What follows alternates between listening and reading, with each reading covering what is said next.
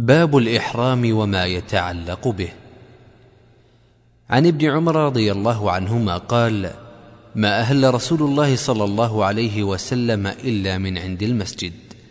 متفق عليه.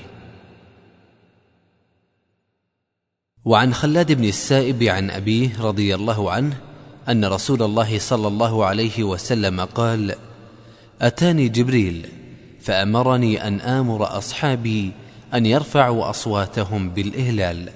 رواه الخمسة. وعن زيد بن ثابت رضي الله عنه أن النبي صلى الله عليه وسلم تجرد لإهلاله واغتسل. رواه الترمذي وحسنه. وعن ابن عمر رضي الله عنهما أن رسول الله صلى الله عليه وسلم سئل ما يلبس المحرم من الثياب؟ فقال لا تلبسوا القمص ولا العمائم ولا السراويلات ولا البرانس ولا الخفاف إلا أحد لا يجد النعلين فليلبس الخفين وليقطعهما أسفل من الكعبين ولا تلبسوا شيئا من الثياب مسه الزعفران ولا الورس. متفق عليه واللفظ لمسلم.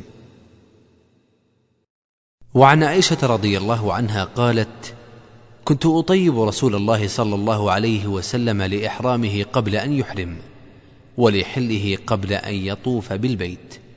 متفق عليه.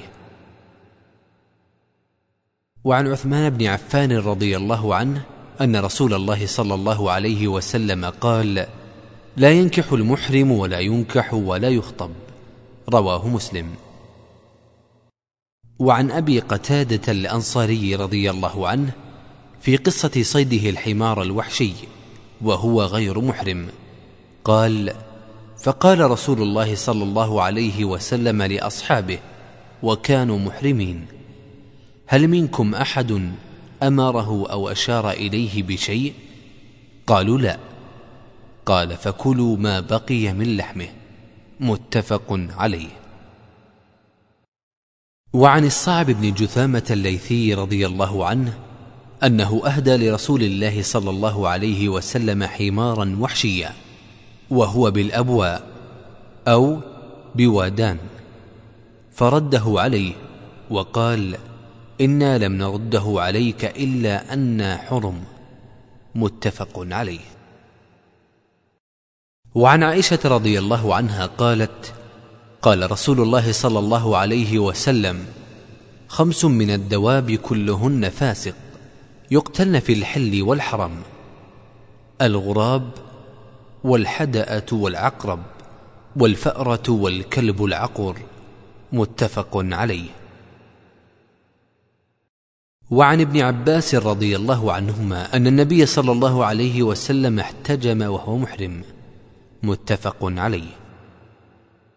وعن كعب بن عجرة رضي الله عنه قال حملت إلى رسول الله صلى الله عليه وسلم والقمل يتناثر على وجهي. فقال ما كنت أرى الوجع بلغ بك ما أرى. تجد شاة؟ قلت لا.